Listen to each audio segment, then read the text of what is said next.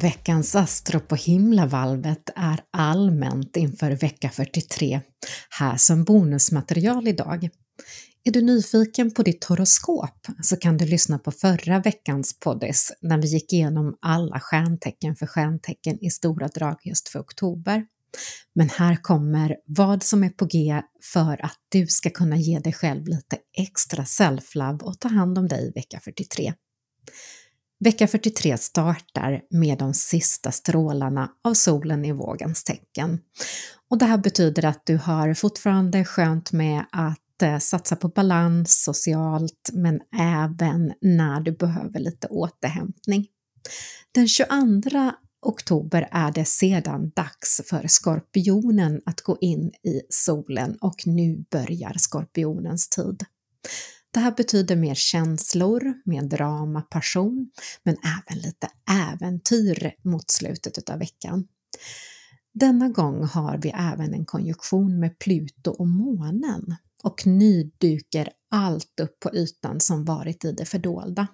Sanningen kommer upp, så se om du kan vara sann mot dig själv just nu.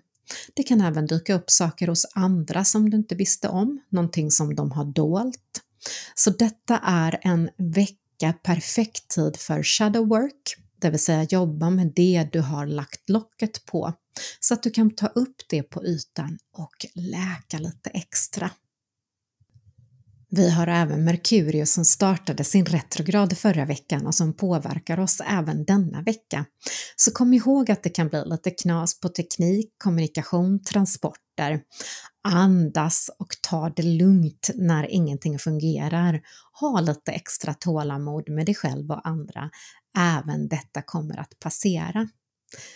Vi har även en konstellation där Mars, som är vår krigargud och vårt driv i livet, aktiverar Jupiter som står för expansion och lycka. Då så detta är en perfekt tid just denna vecka att börja titta på dina visioner för framtiden. Vad vill du ha omkring dig i ditt liv de här sista månaderna utav detta år? Hur vill du växa som människa på djupet? Vad vill du lära dig mer av?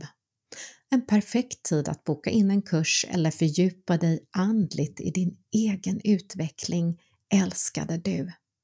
Och det här var veckans astro på planeterna i på himlavalvet vecka 43, älskade lyssnare.